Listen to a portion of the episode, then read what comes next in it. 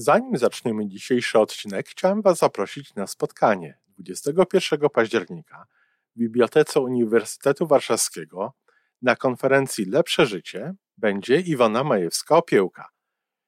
Będzie parę jej wykładów, będzie można sobie usiąść i porozmawiać przy kawie. Y, będą inne ciekawe wykłady związane z logodydaktyką i będziemy nagrywali odcinek na żywo.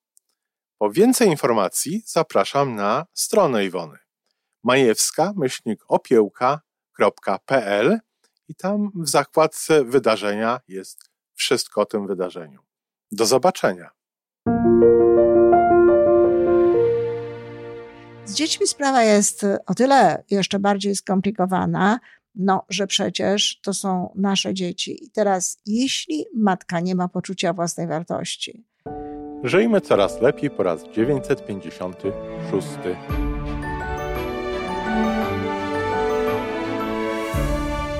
Witamy w miejscu, gdzie wiedza i doświadczenie łączą się z pozytywną energią.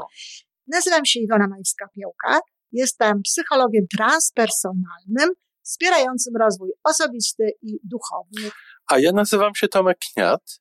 Nie jestem psychologiem, jestem techniczny, jestem adeptem rozwoju osobistego, bardzo to lubię. Razem tworzymy podcast, właśnie ten, którego słuchanie powoduje, że naprawdę żyje się coraz lepiej.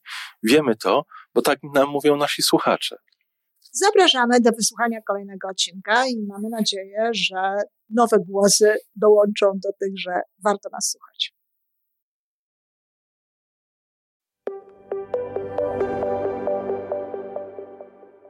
Dzień dobry, dziś audycja dla dobra dzieci. Dostałam takie pytanie w grupie słuchaczy tego podcastu na Facebooku, aby powiedzieć, w jaki sposób stawiać granice dzieciom i jak ich tego uczyć. Pytanie jest bardzo dobre i oczywiście na pewno osoby, które są już ze mną długo, no, mm, przypuszczają, że zacznę od tego, iż najpierw trzeba umieć stawiać granice samemu w stosunku do innych również ludzi, nie tylko w stosunku do dzieci. Trzeba mieć w związku z tym poczucie własnej wartości na tyle przyzwoite i na tyle żyć w zgodzie z tym, co jest dla nas ważne, aby w sytuacjach, w momentach, kiedy to, co ktoś nam proponuje, to coś, coś ktoś chce zrobić, to, co ktoś robi, po prostu przerwać, czasem krótkim nie, zupełnie bez wyjaśniania, nie musimy wszystkiego wyjaśniać, a czasami przerwać wyjaśniając. Z dziećmi sprawa jest o tyle jeszcze bardziej skomplikowana, no, że przecież to są nasze dzieci. I teraz, jeśli matka nie ma poczucia własnej wartości, to odsyłam tutaj do tych audycji, w których mówiłam o wychowywaniu dzieci przez matkę, która nie ma poczucia własnej wartości i tej, która je ma. Jeśli matka nie ma poczucia własnej wartości, jeśli nie kocha siebie, to tak bardzo jej często zależy na tej miłości tego dziecka, na tym, żeby ono dawało jej te dowody, te głaski, jak to się tak nie za bardzo ładnie mówi, ale mówi, um, te, te dowody tej miłości, te miłe gesty i tak dalej, że jest gotowa robić wszystko, co to dziecko chce.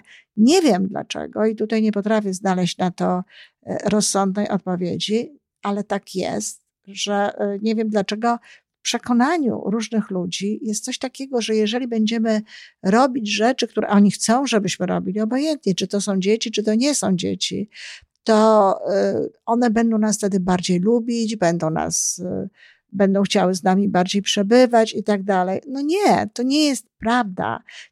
To nie jest prawda ani w odniesieniu do dzieci, ani w odniesieniu do dorosłych. Natomiast w odniesieniu do dzieci jest to również niestety szkodliwe. Może to po prostu dzieciom nie służyć. Dlaczego? Po pierwsze, dlatego, że dzieci, które nie mają jasno ustalonych granic, o tym też już mówiłam, no ale powtarzam. Dzieci, które nie mają jasno ustalonych granic, które nie wiedzą, co mogą, czego nie mogą, gdzie kończy się jakby obszar, po którym mogą poruszać się bardzo swobodnie, a gdzie zaczyna się coś, co wymaga zgody rodziców, czy jakichś innych sytuacji, takie dzieci mają zaburzone poczucie bezpieczeństwa. Dziecku potrzebne są zasady po to, żeby czuło się bezpiecznie. Cóż, myślę, że również dorośli, czy sobie zdają z tego sprawę, czy nie, bezpieczniej czują się wtedy, bezpieczniej czują się w takim środowisku, gdzie no, mają jakieś zasady, gdzie wiadomo, gdzie są te granice, gdzie wiadomo, w jakim momencie no, trzeba się zatrzymać. Nie chcę w to wchodzić, bo to jest temat bardzo y, obszerny, ciekawy i z różnych punktów do niego można podchodzić. Mogę tylko obiecać, że porozmawiamy na pewno na ten temat kiedyś z Tomkiem w naszej poniedziałkowej audycji, ponieważ to jest bardzo ważne. I to zresztą też powoduje cały szereg różnego rodzaju zachowań osób dorosłych, nawet politycznych wyborów. W każdym razie matka, która nie daje, czy ojciec, który nie daje dzieciom tego, tego właśnie konkretnego, jakby zakresu, nie stawia tych granic, powoduje, że dzieci mają mniejsze poczucie bezpieczeństwa. A życie w, w, poczuciu y, braku, teraz nie musi to być zaraz brak poczucia bezpieczeństwa, no nie dramatyzujmy, prawda? Ale na pewno będzie mniejsze niż wtedy, kiedy te granice są. A to powoduje, że dzieci w takiej sytuacji nie rozwijają się tak dobrze, jak mogłyby się rozwijać. Nie czują się tak dobrze, mają, tak, tak, mają większy stres. My im tutaj niby chcemy różami życie po prostu usłać, czy płatkami róż, a one okazuje się z tego powodu mają większy stres. Y, druga sprawa to matka, która mm, nie ma mm, sama jakby granic, sama nie jest osobą proaktywną, czyli nie robi sobie przerwy przed wyborami, których dokonuje. A tutaj sytuacja, w której ona ma dziecku czegoś zabronić, ma postawić granice, ma wytłumaczyć, że tego robić nie można, no jest przecież takim wyborem, to to jej również nie będzie łatwo, bo ona działa reaktywnie, czyli impulsywnie, czyli na przykład y, zabrania po prostu w danym momencie czegoś, często y, krzykiem albo y, wprost przeciwnie, tym razem nie zabroni z jakiegoś powodu, co wprowadza, tak jak właśnie mówiłam, coś, czego, czego wolelibyśmy uniknąć, brak poczucia bezpieczeństwa dziecka, bo raz może, raz nie może i tak dalej. Więc oczywiście taka matka też będzie miała wyzwania, dlatego warto się zająć swoją proaktywnością, warto się zająć swoim sposobem podejmowania decyzji, i, i, wiedzieć, w jaki sposób zareagować w różnych sytuacjach. Ogromnie istotnym elementem i uczeniem dzieci też tych granic. Uczy się dzieci e, tych granic poprzez to, że się konsekwentnie tego przestrzega. Natomiast bardzo ważną sprawą jest wyjaśnianie tego, dlaczego. No, odpowiedź typu nie, bo nie, albo nie, bo ja jestem twoją matką i mówię nie i to wystarczy, to nie są odpowiedzi dla dzieci. To nie są odpowiedzi dla dzieci w żadnym wieku. Trzeba po prostu y, pochylić się nad tym, pochylić się nad dzieckiem, zajść do jego poziomu i na takim poziomie, na jakim jest, wytłumaczyć mu, dlaczego nie. W wypadku małych dzieci, którym również te granice trzeba stawiać, tak jak mówiłam wcześniej, którym nie można niczego wytłumaczyć, y, którym nie da się jeszcze wytłumaczyć, ponieważ ich aparat pojęciowy, ich sposób pojmowania świata na to jeszcze nie pozwala, no trzeba po prostu wykonywać pewnego rodzaju pełne miłości, nie mniej konsekwentne ruchy. Na przykład odprowadzić dziecko od jakiegoś miejsca, gdzie mu nie wolno, wziąć je i przenieść je z jakiegoś miejsca. Nie wiem, na przykład e, zajmuje się rośliną jakąś, niszczy kwiatek e, doniczkowy, jakąś taką roślinę doniczkową i robi to. Mówimy nie, nie można tego robić. E, możemy powiedzieć, że to roślinkę boli, że spowoduje, że to roślinka, że roślinka w ten sposób no, boli, to myślę, że to jest najlepsze sformułowanie dla takiego dziecka. Ale jeżeli ono dalej robi to, czego nie chcemy, żeby robiło, to z miłością bierzemy je i odstawiamy je na inne miejsce i mówimy nie, nie wolno. Można to wzmocnić jakimś e, gestem, prawda? No takie grożenie to jest y, mało wskazane, choć wiem, że ludzie najczęściej mówią, robią y, znak takiego grożenia. Ale można wzmocnić jakiś, jakimś gestem, na przykład nie wolno podnieść rękę do góry, czy pokręcić głową z takim przeczeniem. Nie wolno tego robić. To będzie wtedy silniejsze po prostu dla dziecka. Ale tak jak mówię, po prostu mu tę czynność przerywamy. niechcianą. Przerywamy to, co ono robi. Z miłością powtarzam, ale jakby reagujemy. No, w niektórych sytuacjach akurat reakcja jest nie najlepsza. Często reakcja nie jest najlepsza wtedy, kiedy dziecko rzuca się na podłogę, histeryzuje i tak dalej. To wtedy niech sobie po prostu histeryzuje. Zatem Podsumowując to, co powiedziałam w tym momencie, bo za chwilę powiem coś trochę innego. E, poczucie własnej wartości i proaktywność, fakt, że się siebie nie kocha, nie ułatwia sprawy. No, w związku z tym trzeba siebie pokochać, zająć się tym. E, również warto się zająć proaktywnością, żeby potrafić spokojnie dokonywać wyborów w różnego rodzaju sytuacjach. Ale są dwie jeszcze własne, ważne sprawy, które dotyczą czegoś innego. Po pierwsze, Rodzice bardzo często wychowują dzieci bez wizji tego, kogo chcą wychować. Naprawdę. E, kiedy pyta się rodziców, na kogo chcą wychować swoje dzieci, czego chcą, aby ich dzieci doświadczyły i tak dalej, e, jaki chcą mieć w tym swój udział, swój wkład, naprawdę często nie potrafią powiedzieć, o co im tak chodzi. No oczywiście rzucą, chciałbym, żeby było szczęśliwe, chciałbym, żeby było e, uczciwe, ale jeśli bliżej podrąży się ten temat, to się okazuje, że tak naprawdę nie wiedzą, co miałoby stać za tym, za tym, aby to dziecko właśnie miało takie życie. Oczywiście tutaj znowu znakomitą sprawą jest e, znajomość logodydaktyki znajomość faktu, że pięć cech charakteru, o których ja mówię wszędzie, ale mówię też o tym sporo w książce Wychowanie do szczęścia i w różnych innych, pięć cech charakteru bardzo pomaga w tym, aby nasze dzieci były i szczęśliwe, e, i uczciwe, i w ogóle zadowolone e, ze swojego życia bardziej. Czyli dobrze byłoby skupić się na wspieraniu dzieci w budowaniu, w rozwoju tych pięciu cech poczucia własnej wartości, proaktywności, poczucia obfitości, poczucia pozytywnego myślenia, i spójności wewnętrznej. Więc na pewno y, to jest taka moja propozycja mała, moja podpowiedź tej wizji, ale rodzice muszą mieć swoją wizję. Jak ktoś nie ma swojej wizji, no to przepraszam, jakie granice ma stawiać? W oparciu o co? W oparciu o swoje impulsy, w oparciu o to, co w danym momencie dojdzie z podświadomości, z automatycznego pilota do jego świadomości. To nie jest jakby sterowane wartościami, to nie jest sterowane celami, wychowawczymi, tylko to jest sterowane chwilą. Nawet nie jest sterowane sercem, bo serce wie, jakie decyzje podejmować i serce, uwierzcie mi, kochani, pomaga w stawianiu granic.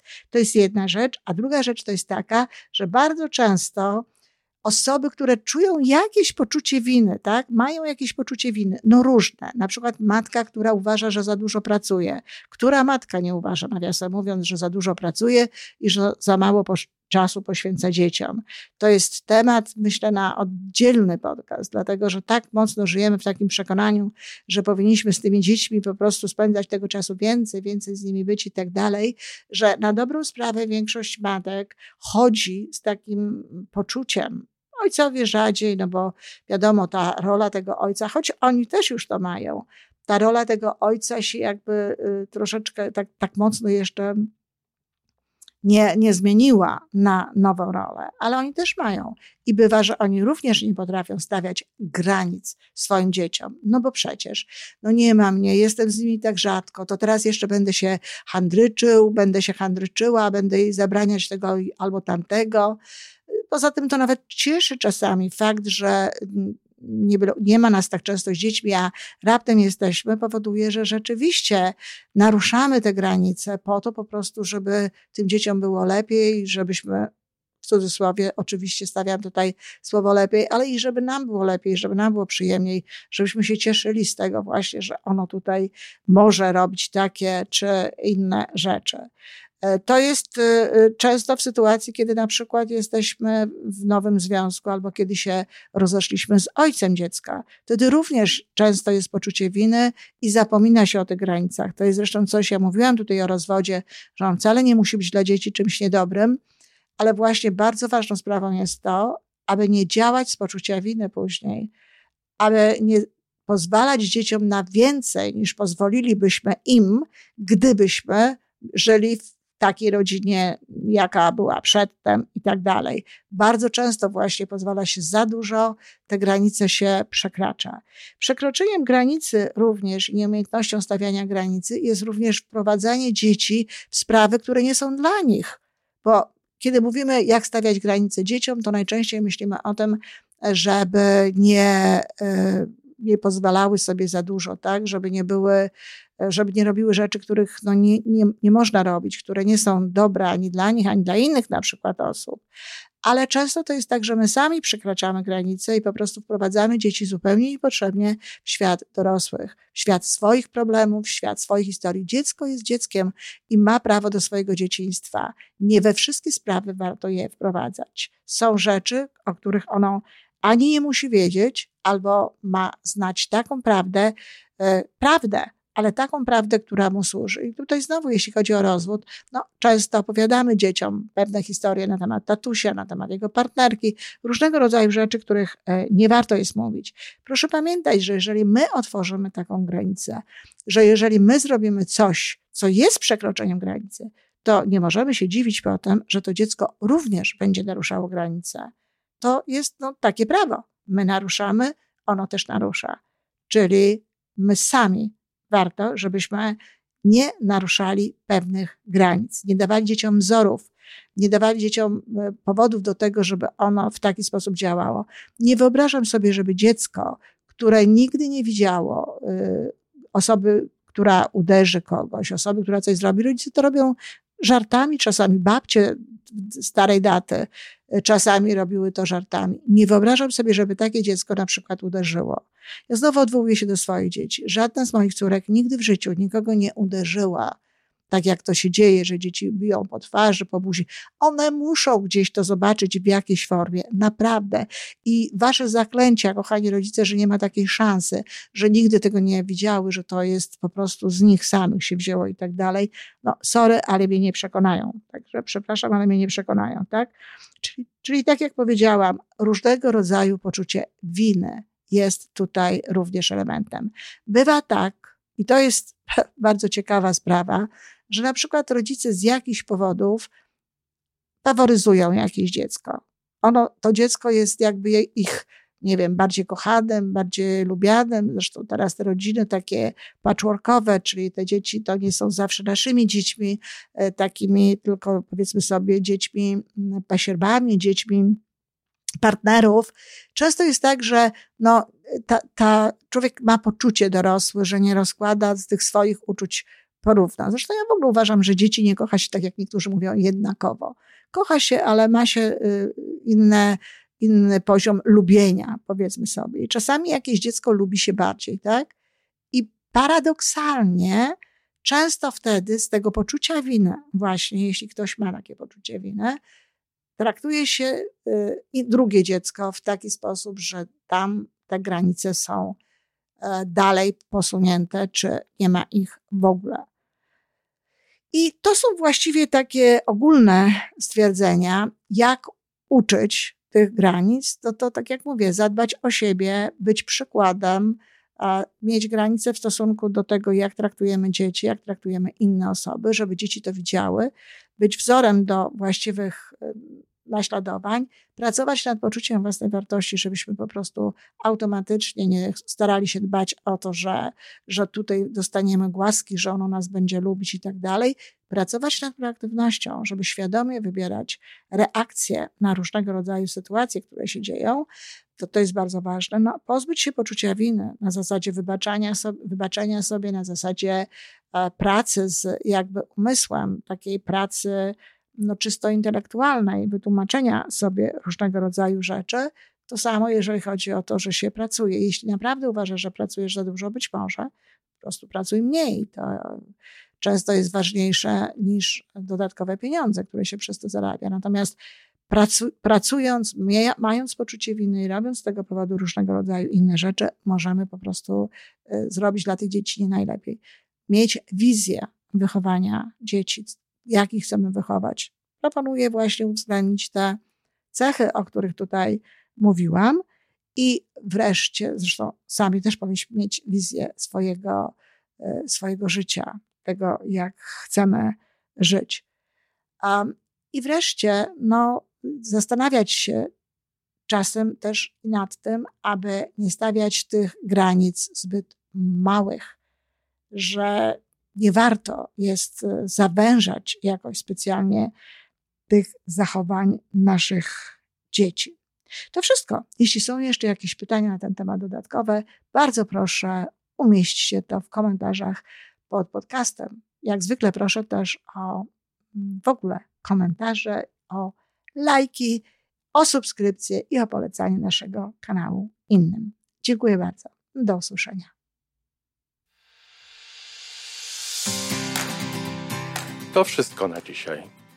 Jeżeli podoba Ci się nasza audycja, daj jakiś znak nam i światu. Daj lajka, zrób subskrypcję, napisz komentarz, powiedz o nas innym. Z góry dziękujemy. Razem możemy więcej. Do usłyszenia.